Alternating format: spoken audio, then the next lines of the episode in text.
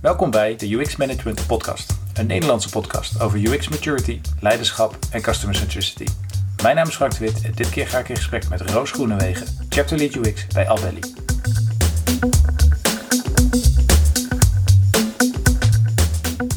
Voordat Roos Chapter Lead bij Albelly werd, was Roos al werkzaam als Lead UX bij de AVP en Bol.com.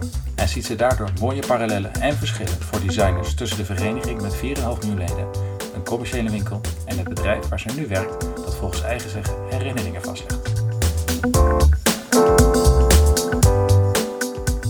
Het gesprek gaat Roos in op het belang van de wekelijkse meeting met alle designers, hoe design binnen Albelly is ingericht en wat de toekomst van UX management volgens haar zal brengen. Kun je me iets meer vertellen voor mensen die Albelly niet kennen? Wat, wat voor bedrijf is het? Wat is het product eh, van, van het bedrijf of de dienst? Albelly verkoopt fotoproducten. Dus klanten kunnen met hun foto's fotoproducten maken. En ten opzichte van, uh, van Bol.com, Bol.com is onwijs transactioneel. Je gaat mhm. naar, naar een webwinkel toe en je koopt, je bent verder niet heel erg emotioneel verbonden met het product. Uh, en uh, het draait, over, draait om kopen. Maar nu werk ik bij een bedrijf. Het gaat over je foto's. En, en wat is er persoonlijk dan je, persoonlijker dan je, dan je foto's? Ja, uh, ja. Je foto's zijn, dat gaat over de emotionele momenten in, in je leven die heel waardevol voor je zijn. Werken bij een bedrijf dat klanten heeft, wat zo emotioneel betrokken zijn bij, bij het product. Ja. Wat je maakt. Eigenlijk zijn wij alleen maar een soort intermediair. Hè? Dus als, als Albelly ben je een soort intermediair waarin je klanten helpt om, om, uh, om hun eigen product te maken. Want het fotoboek, wat uiteindelijk het resultaat is van wat ze in onze editors bij elkaar. Uh, dat, dat, hebben wij niet gemaakt, dat heeft de klant gemaakt. En, uh, en, en vanuit een UX-perspectief, als je het hebt over user experience, ja, dan is dat natuurlijk prachtig. Dat je, hè, dat je zo uh, iets wat zo persoonlijk is en zo emotioneel onderdeel is van iemands leven, dat je daarin uh, als UX'er iets kan bouwen wat het mogelijk maakt om, om dat te veranderen in een fysiek product. Ja. Krijgt dat ook nog iets anders uh, van, van, uh, van jou als UX'er of van jouw team? Nou, dat weet ik niet zeker. als je het hebt over. ik denk dat je als UX'er. Je belangrijkste taak als UX'er is in bepaalde mate onzichtbaar zijn. Ik, dat zeg ik vaak tegen UX'ers in, in, mijn, in mijn team is dat wij echt succesvol zijn als we niet zichtbaar zijn. En wat ik daarmee bedoel is, en ik denk dat je dat in het perspectief van Albelly heel goed kan beschrijven, dat op het moment dat um, dat hele editproces, het maakproces, uh, zo weinig frictie oplevert, dat je het eigenlijk vergeten bent zodra je er klaar mee bent, dan, hebben wij echt, dan zijn we echt heel goed bezig. Dan hebben jullie je werk goed gedaan. Ja. Dan hebben wij ons werk, ja. En dat, dat is eigenlijk als je kijkt naar het begrip user experience, dan hè, we hebben als user experience allemaal de ambitie om een onvergetelijke ervaring achter te laten. Dat is een soort de, de holy grail. Maar jij richt je eigenlijk op om geen herinnering achter te laten. ja, ik, ik, ik zeg er, er net onder. Okay. Is een vergetelijke ervaring. Ja. Een vergetelijke ervaring is eigenlijk, is eigenlijk uh, uh, uh, is al heel knap om te bereiken. Zeker. ja. Mooi, want je zegt uh, als UX-designer moet je eigenlijk onzichtbaar uh, zijn, maar dan heb je het vooral over uh, de, de, de outcome. Dus de, hetgene wat ze maken, dan moet je onzichtbaar zijn. Ik kan me voorstellen dat je binnen de organisatie wel zichtbaar wil zijn. Jazeker. Want dat is natuurlijk iets heel anders. Want om onzichtbaar te zijn moet je heel hard werken. En dat heel hard werken doe je binnen je organisatie. Hoe is uh, Albelly ingericht? Hoe is design in, embedded in in Albany? Nou, ik denk dat dat net als uh, bij andere bedrijven is dat, uh, dat, dat verandert de hele tijd. Um, op dit moment zijn we zo georganiseerd dat we hebben een, zijn onderdeel van organis het organisatieonderdeel waar we onderdeel van zijn, heet Product Experience. en Product Experience bestaat uit de UX'ers en de product owners. En geen development zit daarin? Nee, de development, development valt onder IT, maar we zijn in principe zijn we een soort, we zijn, een, we zijn een matrix. Dus uh, uh, uh, à la Spotify model. Als ik weet niet of dat wat zegt. Maar in principe is het zo dat uh, de, product, de product owners zijn natuurlijk wel, die hebben een team.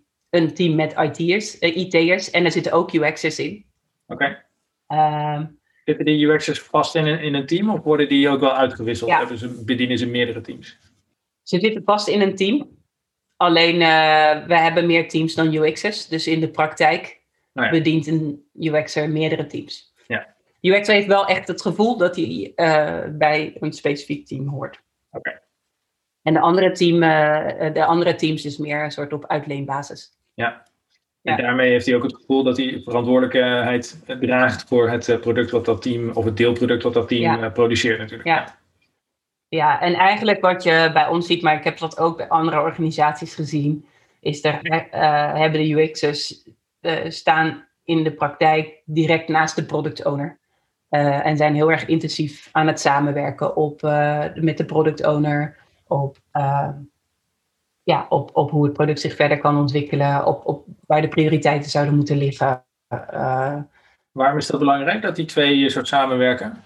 Ja, ik vind het heel erg belangrijk omdat, en om eerlijk te zijn, toen ik bij Albelly binnenkwam, was dat ook wel een beetje de situatie.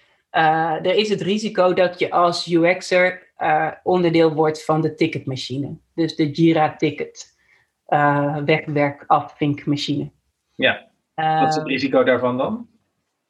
En het risico, en het risico daarvan is uh, dat je echt heel erg zinvol aan, en constructief aan het bijdragen bent voor het IT-team. Mm-hmm. Maar dat als het gaat over um, de product experience of de customer experience, uh, een, stap, een stapje hoger brengen, een stapje verder, uh, dat gebeurt dan niet meer.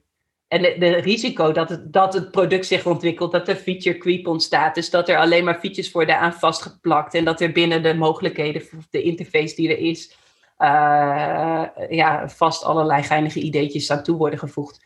Um, het, het borgen van, de, van de, de totale klantervaring gaat absoluut verloren uh, op het moment dat je, dat je alleen nog maar uh, onderdeel bent van de productiemachine, die de, de super efficiënte machine die de, de product owner heeft draaien in het team. Dat je eigenlijk alleen ja. maar bezig bent met, met delivery en daarbij het, het stuk discovery misschien wel helemaal open staat? Ja, je horizon is te, ja, ja, je perspectief is te klein. Dus je bent inderdaad alleen bezig met delivery. En discovery doe je misschien ook wel. Alleen op, op een heel klein subthemaatje binnen de kaders die de product owner voor jou heeft gedefinieerd. Okay. En als UX heb je de rol om de product owner uit te dagen op waar die het product naartoe wil brengen. En, ja. uh, uh, en, en misschien niet alleen uitdagen, ik zou ook zeggen inspireren. Uh, en dat is een heel andere Mooi. rol. Wat, wat, ja. dit was een hele andere rol. Is die wel te vereenvoudigen in één persoon? Of is, heb je daar ook andere type designers voor nodig? Nee, ik denk eigenlijk dat elke UX'er dat zou moeten kunnen. Maar daarvoor ben je een chapter. En uh, uh, wat wij doen, we hebben iedere, wij zitten iedere maandagmorgen zitten wij als UX'ers bij elkaar. Ja. En dan hebben we gesprekken en die gaan daarover. Dus dan, dat, dat is dat, wat, we, wat we die maandagmorgen doen binnen het chapter is uh, elkaar uitdagen en motiveren om vanuit een ticket, een onderwerp wat op dat moment speelt, de relatie zien met andere onderwerpen die spelen. En uh, uh, dus ik denk dat dat is wat je als UX ook met elkaar moet doen en, en waarin ik als UX-lead ook een sterke rol in heb, is het, is het grotere verband zien tussen al die kleine dingetjes die gebeuren en, en daarin elkaar ook uitdagen om uh, om, om, het, om, een, om het verhaal, het mentale model op te bouwen waar je met elkaar aan toe, naartoe werkt. En dat kan je als UX'er dan weer meenemen richting je product owner. Mm-hmm. Oh ja, ja, maar eigenlijk, dit doen we nu. We zijn nu met dit specifieke kleine verbeteringetje bezig. Maar je weet toch wel, eigenlijk willen we dat dat gaat bijdragen aan dit hogere doel ja. op dit lange termijn plaatje. En daar gebruik je de maandagochtend voor om bij elkaar te komen. en het grotere plaatje dan eigenlijk uh, te, te bespreken maar, en, en de uitdagingen daarover. Um, kan, je, kan, je, me iets meer vertellen over waarom dit zo belangrijk is, die, die maandagochtend voor, uh, voor jullie? Want dat heeft te maken met die matrixorganisatie waarschijnlijk. Dat je ja. anderen alleen maar, alleen maar een beetje, een beetje product bezig bent. En die matrix die moet er juist voor zorgen om het lot te breken. Ja. ja, die maandagochtend is wel grappig, want ze zitten dus echt de hele maandagochtend bij elkaar. Ehm, van 9 tot 12. En, en nu met online thuiswerken zitten we gewoon, uh, dus zitten we drie uur op Zoom met elkaar in een meeting. Oké. En je zou zeggen dat is, ja, je zou zeggen dat is best wel verschrikkelijk. Maar uh, ja, we hebben het regelmatig met elkaar over. Het is eigenlijk gewoon, we vinden het fijn.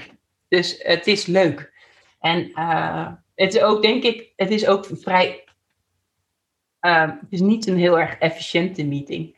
Dus uh, het is vrij associatief en er is een agenda. Dus in principe kan iedereen van tevoren agendapunten aandragen via een uh, Trello-bordje. En dan mm -hmm. zijn dat de onderwerpen die we gaan bespreken. Maar ehm, dat gaat allemaal redelijk free format. En, en ik denk dat we het allemaal zo zinvol en zo waardevol vinden, omdat uh, het is natuurlijk ook gewoon een soort F'tjes onder elkaar als UX'ers. Uh, dus het is fijn om elkaar even te zien en met elkaar te spreken over, over hoe het met je gaat. Maar het, gaat ook over, het is ook een hele fijne meeting, omdat we daar, uh, dat is het moment waarop, waarop je eigenlijk dingen, um, waar dingen ontstaan, waar nieuwe ideeën ontstaan en waar ook waar we dingen ook beter maken. Hè? Dus we, we, reviewen, dus je kunt, je kunt reviewen ook in die meeting. Uh, het gaat over lange, de lange termijn ideeën. Dus het is, het is de plek waar de puzzel bij elkaar komt. En op het moment dat je dat voelt, dat in die gesprekken die verschillende puzzelstukjes opbouwen naar, naar, naar iets wat beter is, iets waar je enthousiast van wordt, ja, dan is het fijn. Dan heb je het gevoel van, hé, hey, wacht even, dit is goed. We zijn hier iets heel goeds aan het doen. Dus er zijn regelmatig momentjes dat we, oh, oh, oh, wacht even. Dat je een lampje ziet branden of dat, uh, uh, ja, dus ik denk dat die, uh, daarom is het, daarom is het heel goed, heel waardevol. Ja. Want dat is wat je nodig hebt. Dat is denk ik ook wat je rol is als chapter en dat is ook wat je rol is als UX. Het is heel erg belangrijk dat je als individuele UX'ers samenbouwt aan, uh, aan, uh, aan, aan toch één experience voor die klant. Ja. En dat, en, uh, en dat je daarin... Naar dat, naar dat efficiënte ja. delivery machientje om, om dat ja. dan te gaan leveren. Ja. Dat is wel grappig, want het, dat machientje dat is heel efficiënt. Dit is, zeg je, best wel inefficiënt, maar ontzettend belangrijk om, het voor, om, om die experience uiteindelijk voor het gehele product te kunnen bieden. Ja, en ik denk ook, en dat lukt nu ook binnen, binnen Albelly, maar dat lukte ook binnen, uh, binnen bol.com binnen, en zelfs binnen de ANWB. Uh, omdat je op die manier als UX-team uh, de driver kunt zijn voor de innovatie op de langere termijn. Dus ideeën die, die daar op die maandagochtend nog heel prematuur ontstaan, zijn groter, grote strategische richtingen anderhalf jaar later. En ik, dat is denk ik wel de timeframe, anderhalf jaar later. En uh, ik denk dat, en daar zit natuurlijk heel veel tussen, want dat betekent dat het, en het zijn nog niet eens altijd de UX'ers die daadwerkelijk vervolgens daar bepalen dat dat op directieniveau strategie wordt. Uh, ik denk dat daar heel veel spanning zit. Hè? Dat is denk ik op dit moment een hele actuele discussie. Is is wat is de plek waar UX moet zitten. En uh, zit UX uh, aan de tafel met het leadership team, ja. met de directie. Uh, en, en ik denk dat daar op een bepaald niveau grenzen aan zitten, omdat UX'ers op een bepaald eh, op, ik, ik denk dat veel UX'ers op een bepaald niveau ook begrensd zijn in, in hoe ver je kunt opklimmen in de uh, bestuurlijke bestuurlijke laag om daar de, de, de, de juiste en de relevante discussie te voeren. Lijkt... Waar, waar zit die beperking uh, vaak in dan? Nou, ik denk dat uh, misschien wel gewoon in de designer zijn, UX'er zijn, betekent dat je heel erg, dat je visueel bent ingesteld, dat je houdt van de details dat je gepassioneerd bent over. Uh, daar horen allerlei vaardigheden bij die, Mhm. die, die anders zijn dan de gemiddelde directeur heeft. Die boeit de details niet zo. Die is van de overzicht, van de grote Ja, lijnen, hoeft het ook allemaal niet precies te weten. Uh, is vaak uh, heel erg economisch, heeft vaak een heel erg economische achtergrond. Ja. Er, sterk analytisch ingesteld. Dus er zit een soort van. En mijn ervaring is dat, ondanks dat je misschien niet per se op het. En, en, er zijn best succesvolle voorbeelden, maar ik denk dat je als, als sterk een grote impact kunt hebben als UX-organisatie op het moment dat je uh, uh, goede sponsors hebt op uh, directielevel. En dat hoeven niet per se designers te zijn die op, op dat level opereren, maar dat kunnen ook goede sponsoren zijn. Ja, ja en ik denk dat dat bijna Albelli zeker de situatie is. Wat is, wat is een goed profiel van zo'n sponsor?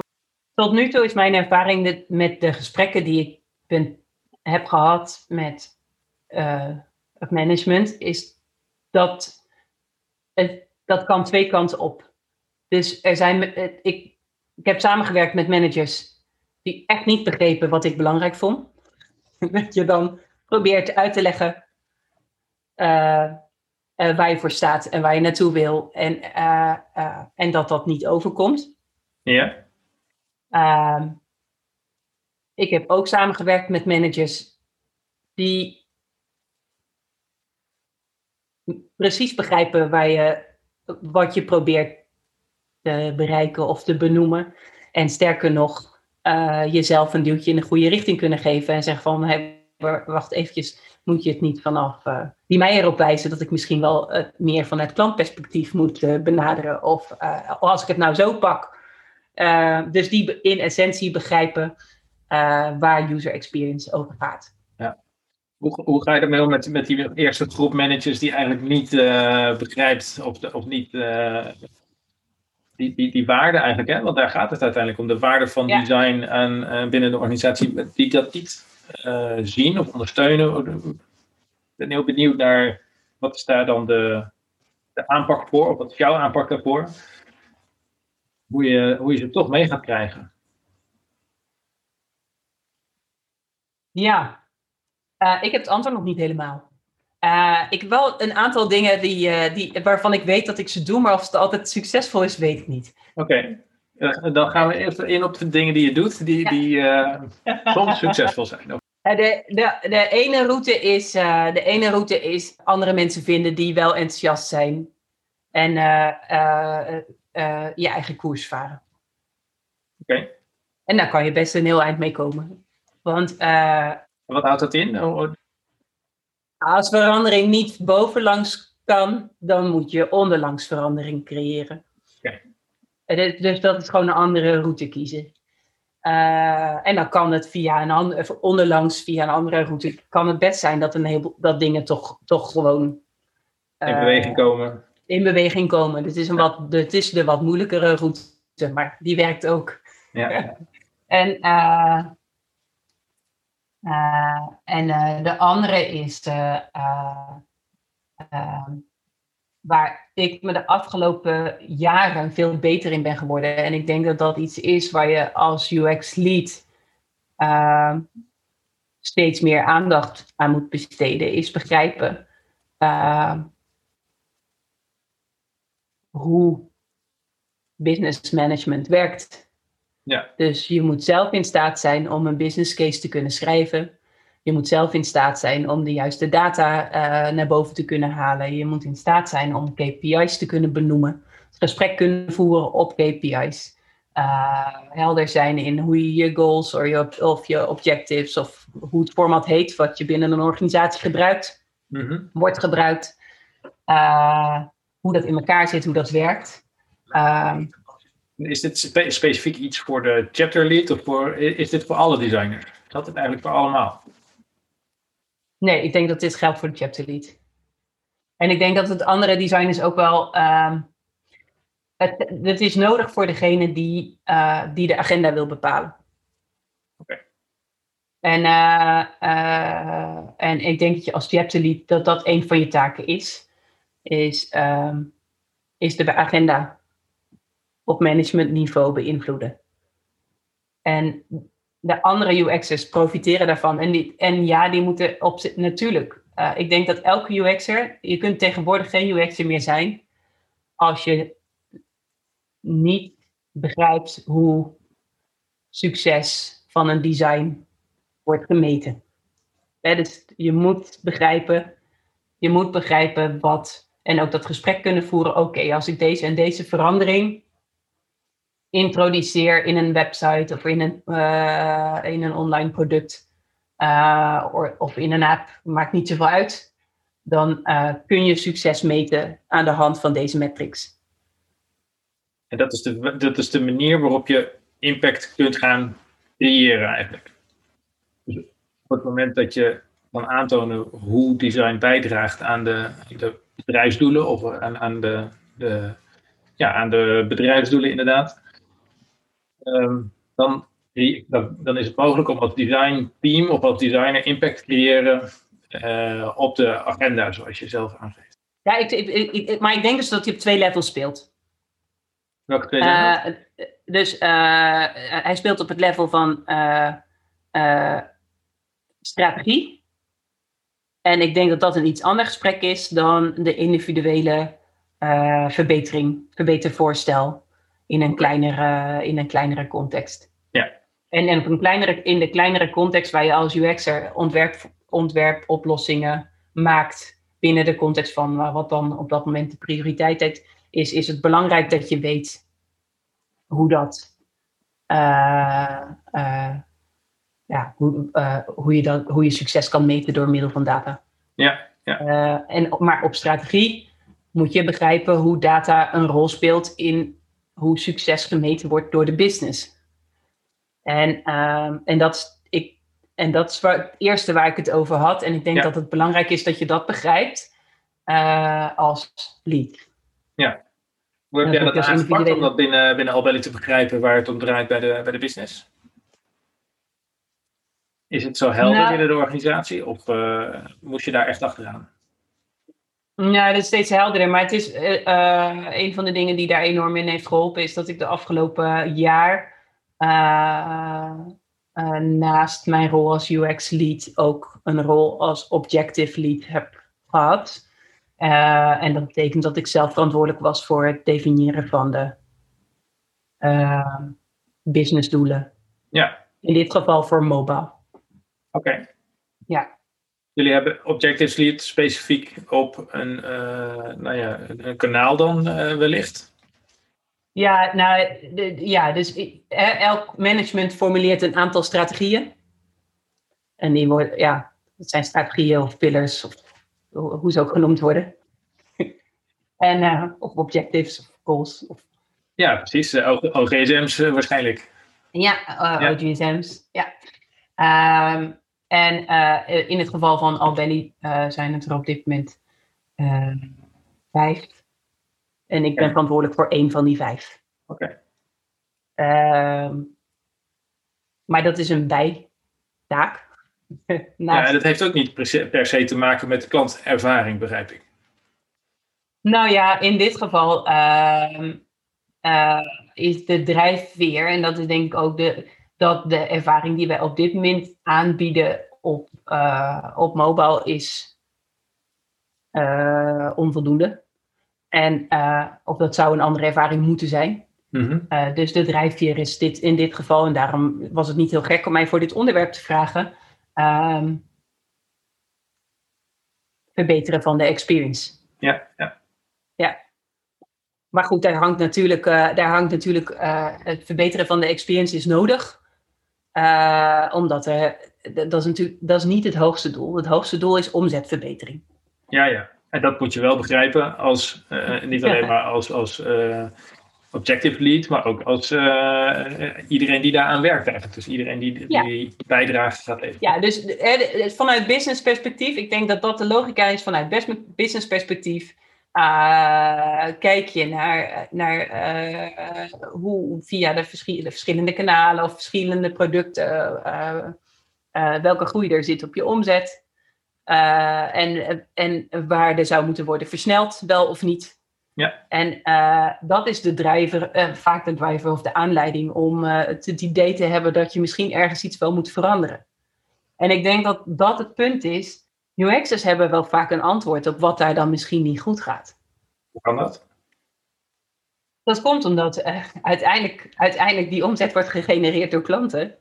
En die klanten die zijn, zijn op een bepaalde manier toch niet zo effectief of zo, zo positief over jou als dat, dat je zelf had gehoopt. Ja, dus de, de, de, om die klant naar binnen te krijgen, dat, eh, dat is eigenlijk wat de, wat de ontwerper dan uh, misschien wel doet. Die heeft zicht op die klant, die heeft contact met die, met die klant. En daardoor weet hij ook waar het aan, uh, waar het aan ligt, waar het stuurt.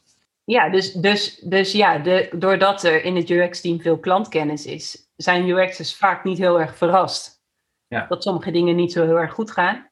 En dat kan best, dat hoeft niet altijd te liggen aan de experience. Hè. Dat kan ook liggen dat de prijzen niet kloppen. Maar als de prijzen niet kloppen, hoor je dat ook binnen. Uh, of, of als er, uh, uh, er allerlei problemen zijn in de logistiek, dan hoor je dat ook. Want er ja. zijn klanten heel erg nijdig over, over pakketjes, producten die te laat komen. Of, hoe, hoe zorgen jullie ervoor dat je, dat je buiten naar binnen krijgt? Dus dat je die, die input krijgt van klanten? Nou, we, hadden, we, hebben, we zijn een klein team, maar we hebben een UX-researcher. Okay. Um, wat is het team? Voor, wat zeg je? Hoe groot is het team? Uh, we hebben uh, uh, drie UX-designers. op dit moment zijn we op zoek naar een UX-designer. En één UX-researcher. Oké. Okay. Ja. En even ter verhouding, hoeveel developers zitten, zitten daarbij? Ja, we hebben iets van uh, 12 scrum teams. 12 scrum teams. Oh, dat is nog ja. wel een flinke, een flinke pak uh, developers dan uh, die je erbij hebt. Ja, ten, uiteindelijk is, uh, is Albelly ook gewoon een IT-organisatie met veel ja. developers. Um, ja, maar ik denk als je het hebt over scrum teams, is het belangrijk om onderscheid te maken tussen customer-facing teams en ehm, meer back-end gerelateerde teams. Uh, en als je het hebt over daadwerkelijk customer-facing teams, dus teams die dingen bouwen die, uh, waar design voor moet worden opgeleverd, ja. en dan gaat het over vijf teams en dan valt het wel mee. Oké, okay. ja. ja. ja. Goed. De, de, de UX-researcher, hoe haal je buiten naar binnen? Hoe komen die inzichten, die klantinzichten, hoe komen die bij, uh, ja, ten eerste binnen, maar hoe komen die ook bij de UX-designers en hoe gaan ze verder de organisatie in? Ja, wij, we hadden een, een, een voor uh, COVID hadden we een ritme draaien waarbij we in ieder geval één keer in de maand klanten over de vloer hadden voor een uh, uitgebreide usertest. Uh, en daarnaast hebben we continuous feedback via uh, en draaien we ook surveys in combinatie met AB-testen. Um, en uh, doen we ook af en toe uh, vragenlijsten uitzenden via de uh, klantkennisafdeling. Ja. Um, dat heeft wel heel veel mooie, mooie resultaten bij. Komt dat binnen bij het UX-team of bij alleen de UX-researcher? Misschien wel bij de product owner? Ja, nee, de, de continuous feedback komt binnen bij de product owners. Uh, we hebben in principe, we, uh, we werken met Slack en uh, alle feedback zit, wordt direct doorgepubliceerd. En IT'ers, developers hebben, maken direct tickets aan van feedback wat binnenkomt. Ja. Wordt niet altijd meteen opgepakt, maar er wordt naar gekeken en er wordt op gereageerd. er is ook, wat ik ook heel mooi vind binnen Albelly, is dat er een direct lijntje is tussen customer care en de developers. Dus uh, development teams hebben af en toe contact met uh, uh, customer care medewerkers. Ook om inkomende feedback te bespreken. Dus binnen Albelly is er een cultuur waarbij sowieso waar, waarbij er in de hele organisatie intensief gebruik wordt gemaakt of kennis wordt genomen van inkomende klantfeedback. De, dat is een cultuur die al, al, bestond eigenlijk. Die, die bestond al, ja. ja mooi. Ja, en uh, de user testen, die, uh, dat, dat is wel, dat is natuurlijk een beetje kleiner. In principe kijken de mensen mee die, dus direct betrokken stakeholders kijken mee. Soms ook developers. eh, die aan een bepaald product hebben gewerkt. Op het moment dat het een user test is, achteraf. Vooraf meestal niet. Ehm, en dat wordt ook gewoon gepubliceerd en gedeeld. De resultaten worden gepubliceerd en gedeeld op de verschillende Hoe, hoe delen jullie dat? We maken, uh, we maken er een PowerPoint-verslag van en dat wordt gedeeld in, uh, in kanalen met, met toelichting. Ja. Uh, soms bundelen we een aantal resultaten. Dat kan bij sprintdemo's of dat kan bij op andere plekken waar resultaten worden gedeeld, kan dat een rol spelen. Dus die kennis wordt actief gedeeld inderdaad binnen de, binnen de organisatie. Ja. Mooi. Ja. Ja, en daar is ook absoluut interesse. Ook brede interesse. Ik, we zijn nu ehm, net op tijd zijn we begonnen met, hadden we een licentie afgesloten bij usertesting.com om online te gaan testen. Ehm, nou, dat kwam goed uit met de lockdown en alles. Dus, dus daar maken we nu intensief gebruik van. Ja, ja, ja. Maar wat wel leuk is, is dat toen we dat, toen we dat gingen uitrollen in de organisatie. Één, het was heel fijn dat we het voor elkaar kregen. Een stevige investering voor een bedrijf met de grootte van Albelli. Mm -hmm. en, en dat, dus de support is er om ook uh, de investering te doen, wat heel erg leuk is. Uh, en het tweede is dat we hebben de, toen we dat gingen uitrollen, hebben, hebben we um, uh, recruit in de organisatie van jongens, iedereen die iets met user testing wil doen, laat het weten. Dan kun je meedraaien, dan weet je hoe het werkt en dan kan je ook zelf mee aan de slag. Ja. En ehm, daar hadden we toch ook zo 25 aanmeldingen voor. Nou, buiten het UX-team. En uh, uh, dat, is, dat is echt, vind ik, heel positief. Ja, ja. ja. ja dat is het ook zeker. Ja. Mooi. Wat is, wat is voor jou afgelopen jaar, en het is natuurlijk een beetje een raar jaar, met, met, wat is de grootste uitdaging geweest en, en hoe, uh, hoe ben jij hiermee omgegaan als lead? Ja, nou de, de, de, grootste, de grootste verandering is de grootste uitdaging, vond ik. Uh, het initiëren van nieuwe ideeën, brainstormen, mm -hmm. workshops, opstarten van. Uh, ja, dat is in één keer veel moeizamer. Dus met z'n allen in een hok. Ja. Uh, en hoe doe je dat dan opnieuw of hoe doe je dat dan op een andere manier? Uh, ook natuurlijk gewoon even zoeken naar de tooling en, en, en hoe je dat dan uh, opnieuw inricht. Het valt mij mee hoe erg we het missen. Dus als ik kijk naar hoe, hoe we ons ontwikkelen en hoe, hoe je nou, ja, we werken nu een jaar met z'n allen vanuit huis. Mm -hmm.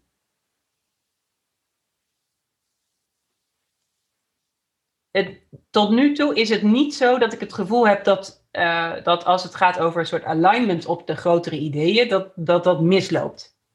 Okay. Uh, dus, dus de online alternatieven werken best aardig. Best aardig. ja. Oké. Maar de grootste uitdaging ja. was eigenlijk, uh, en, en, omdat het in, inderdaad een bijzonder jaar is, uh, toch echt wel uh, dat, dat je team en jij zelf remote zijn. Dat je elkaar niet meer in levende lijven ziet, dat je niet snel ja. even in een hok kan duiken. dat, dat, dat echt het remote werken. Hoe, de, hoe zorg je ervoor dat, dat, dat toch die grote, dat, dat het toch lekker loopt? Ja, ja, dat is een hele goede vraag. Het loopt eigenlijk best lekker. En ik weet niet of, of ik er heel veel voor heb gedaan. Okay. Extra. Nee. Nee, dus ik, ik weet niet of ik daar een heel direct antwoord voor heb.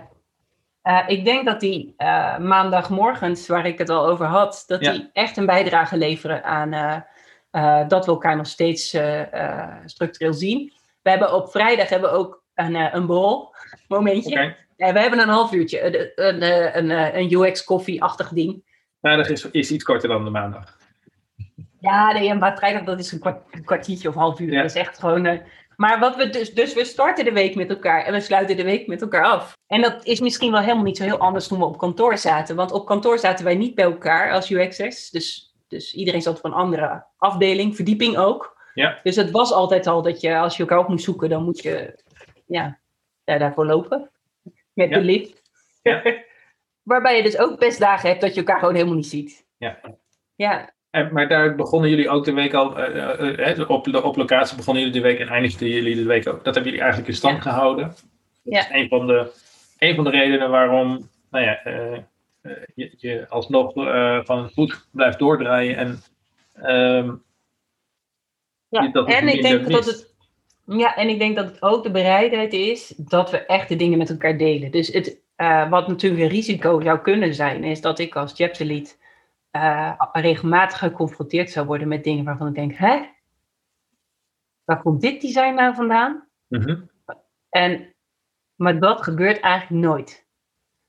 Dus eh, of, of, dat, of dat er dan bijvoorbeeld dus inderdaad, hè, wat, wat ook net zo goed kan, dat je denkt van, hé, waar komt dit design vandaan? Of dat dat tussen designers is, dat twee designers eigenlijk hetzelfde aan het ontwerpen zijn en dat Ja, ja. van elkaar niet weten. Ja. Gebeurt eigenlijk ook nooit. En is dat dan alleen de maandag dat jullie elkaar zo goed op de hoogte houden? En, eh, of of gebruiken jullie daar ook nog andere tools voor? Nee, zeker. Maar de, de maandag kan ook eh, ervoor eh, zorgen dat, dat, we, dat we erachter komen dat bijvoorbeeld twee mensen met hetzelfde bezig zijn. En dat die nog even dan de maandag gebruiken om met elkaar af te spreken, om elkaar door de week nog Ja. te zien. Of bijvoorbeeld een co-design sessie eh, eh, in te richten. Is ook iets wat we best wel vaak doen. Is dat eh, twee designers samen gaan designen. Ja, dus er is een cultuur waarbij er heel open met elkaar wordt gepraat en gedeeld over designoplossingen. En ik denk dat dat makkelijk gaat omdat het zo'n klein team is. Oké. Een heel groot verschil is met eh, bij, bij Bol.com was het team op een gegeven moment heel groot. Mhm. Eh, en eh, dan zie je dat dat ja, moeilijker te organiseren is. Maar dan makkelijker ja, dingen onder de radar verdwijnen. Omdat de verbinding dan gewoon minder sterk is, denk ik. De, de, verbinding als team misschien. Je, ja, ja, dat heb Ja. ik zelf inderdaad ook al zo. Ja. Wat, eh, Ja. als, als, eh, nou, als een aan het vragen wat brengt de toekomst voor, eh, voor UX management? Voor als, als chapter lead, maar überhaupt ook voor UX management? Nou, er zijn wel natuurlijk een aantal dingen die eigenlijk heel interessant zijn. En wat ik wel een leuk voorbeeld vind, is ik kreeg vandaag, of deze week, heel actueel, deze week eh, eh, nog eh, een uitnodiging of een vraag van onze product owner van het AI-team. En de artis- eh, Artificial Intelligence team. Ja. En ehm, daar werk ik vrij intensief mee samen. En die zei van, en die, zijn vraag was eigenlijk van, joh, ja, we kunnen heel erg veel met AI, maar het heeft ook zijn beperkingen. Eh, we hebben vanuit UX een duidelijke visie over hoe we, eh, hoe we de AI willen inzetten, wat, naar wat voor type. eh, en meer een assistant journey dan, een, Ja. dan dat de AI eh, de experience overneemt. Dat is eh, eh, in ieder geval waar we, waar we heel hard naar op zoek zijn, hoe we dat op een goede manier kunnen inrichten. En zijn vraag was: van, joh, ik zou heel graag een keer met het UX-chapter willen brainstormen over eh, eh, hoe, hoe ga je die symbiose tussen, tussen AI en tussen UX? Mhm. Eh, hoe, maak je dat een, hoe maak je dat een zo goed mogelijk onderdeel van de experience? Ik denk dat dat een hele actuele vraag is. Ik vond het ontzettend leuk dat hij zelf zei van ik wil daar heel graag samen over brainstormen. Hoe we, dat, hoe we die twee dingen met elkaar kunnen versterken. Ja. Eh, dus dat, daar, nou, hebben we die maandagmorgen weer. Ga- maandagmorgen is dat, gaan we daar met elkaar eh, eh, over nadenken, over brainstormen. Om, dat, om dat verder aan te scherpen. Nou, dat gaat weer over het mentale model, het, het verhaal opbouwen wat we daarbij hebben. Mhm. Dat is nu nog, dat staat in de stijgers, maar dat is nog niet waterdicht. Ja, ik denk, denk dat daar, dat is natuurlijk een heel mooi voorbeeld van, van hoe dat verschuift. Dus als je kijkt naar hoe eh, eh, UX-management veranderd is. Dus eerst, eerst werd het veel meer, veel meer data-driven. Ja, ik denk dat de eerste vraag was, het werd ve- veel meer agile. Dus toen ging het over Mhm, hoe ben ja. je waardevol in een iteratieve omgeving. Toen werd het veel meer data-driven. Eh, als het gaat over, hè, dus eh, in relatie tot de business metrics.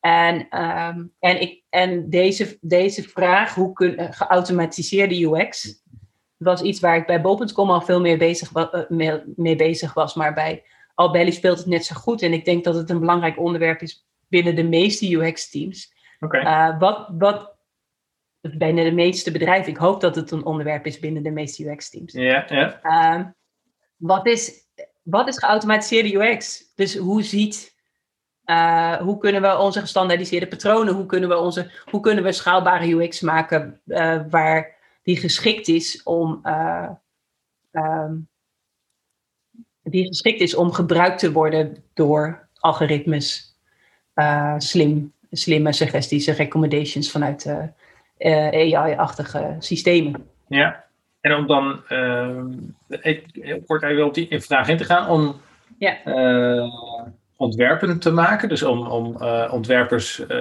werk uit handen te nemen, of om het product slimmer te maken? Um, ik denk dat het voor allebei waar is. Oké. Okay. want ja, dit is om het product slimmer te maken. Hè? Dus AI kan enorm goed helpen in het begrijpen uh, waar klanten op de, om de klantvraag te herkennen en om te begrijpen waar klanten het meest mee geholpen zijn. Mm-hmm. Dus AI kan helpen om het keuzeproces van klanten te versimpelen, omdat je de klant een stop, stap voor kan zijn in het denken. Ja. Als je het goed doet. Ja. uh, dus dat is om het product te verbeteren. Dat, heel veel, dat betekent ook dat een interface er niet altijd hetzelfde uitziet. Dus een Mhm. webpagina is niet altijd op dezelfde manier opgebouwd, bevat niet altijd dezelfde content, bevat niet altijd de.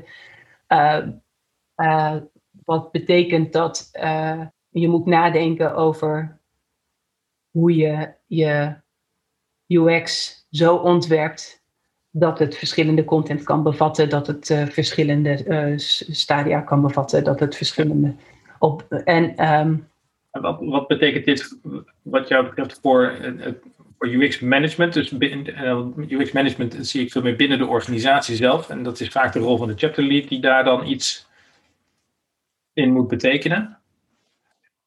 Wat betekent die volgende stap voor, voor jou?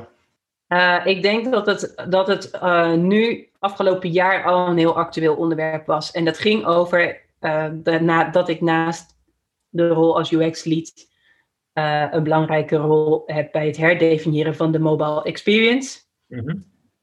Uh, een van de dingen die, hè, als het gaat over gepersonaliseerde foto's of over foto's, jouw persoonlijke herinneringen, nou dan, eh, dat weten we natuurlijk eigenlijk al van Google Foto's. Dan, uh, je kunt foto's redelijk goed op basis van de metadata die er al in zit, structureren en organiseren. Mm-hmm. Uh, je kunt foto's best wel goed interpreteren wat, wat er op een foto staat. Uh, op basis van uh, slimme algoritmes, algoritmes die al bestaan.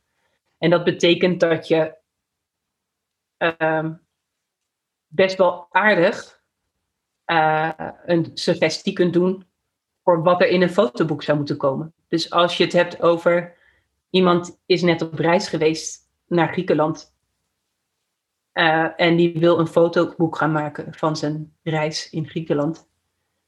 Dan uh, kan je op basis van alle foto's die gemaakt zijn in Griekenland, interpretatie van wat er ongeveer op die foto staat mm-hmm. in Griekenland, uh, misschien al best wel een goede suggestie doen over wat dat fotoboek zou moeten zijn. Ja. En daarbij wetende dat klanten best wel graag fotoboeken maken, maar een beetje tegenop zien dat het zo verschrikkelijk veel werk is. Um, ja, dan is de combinatie van die twee dingen is misschien wel best wel een goede oplossing. Namelijk, wat nou als het helemaal niet zoveel werk is? Voor, voor het UX management stuk, wat, wat is daar, wat is jouw rol daar dan in? Wat, wat, uh, waarom het belangrijk is dat, die, uh, dat jullie deze stap zetten? Ja, en daarom dacht ik van misschien is het goed om dus dit soort van conceptueel de, het kader. Maar wat, wat er dus eigenlijk aan de hand is, is dat mijn rol als chapter lead is aan de ene kant zit je bovenop die klantkennis. Dus je weet waar de belangrijkste barrières van de klant zitten. Aan de andere kant hebben we een technologieteam dat de hele tijd bezig is met van wat voor, wat voor dingen je dan allemaal slim zou kunnen doen met het herkennen van met foto's. En aan de derde kant is er een business situatie waarin je denkt van nou, uh, jongen, uh, wat zien we daar nou gebeuren en wat zijn de antwoorden op de business uitdaging die we daar hebben als het puur als het gaat over cijfers. En als UX lead moet je daar kaas van maken. Jij bent degene die de combinatie maakt tussen, hé, hey, wacht even, we hebben die klant en we hebben die technologie en we hebben die market opportunity of die, dat is de businessvraag die er wordt gezien in de organisatie. En ik denk wel dat dat iets is uh, uh, wat er altijd al is geweest als UX lead, maar wat met de groeiende technische mogelijkheden een steeds uitdagender vraag wordt. Wordt het daarmee anders? Nee, het wordt niet heel anders. Alleen het is weer een nieuwe dimensie aan toegevoegd. Gewoon door de mogelijkheden die er zijn. Ja. Uh, maar ik hoor je duidelijk zeggen, uh, het moet uiteindelijk leiden naar, tot, tot business. Uh, welke techniek dat ook is. Dus jouw rol als UX-lead is altijd geweest welke begrijpen welke impact design kan, kan maken in de toekomst. Ja. en, en welke impact het moet maken voor de, voor de business. En of dat nou metrics of, of analytics of artificial intelligence is juist die brug slaan tussen hoe kan deze techniek, deze, deze stap, hoe kan die nou weer waarde opleveren voor de, zowel de klant als voor de business, om die samen te brengen. Dat is een specifiek, uit, ja. uh, specifieke rol voor de UX-lead. Ja, en, die, en, en in de kern verandert die dus eigenlijk niet. Ik verwacht ook niet dat die in de kern zal veranderen in de toekomst, behalve dat uh, nou ja, de techniek verandert. Ja. Uh, en, en, de, ja, en de devices veranderen. En maar dat, de opdracht blijft hetzelfde. Ja, gaaf. Dankjewel Roos. Dankjewel voor dit gesprek. Vond je dit leuk en wil je meer weten of wil je wat laten weten? Heb je feedback, een tip voor Roos of wil je gewoon iets met ons delen? Stuur dan een bericht naar podcast.uxmanagement.nl of voor andere afleveringen check uxmanagement.nl. Bye!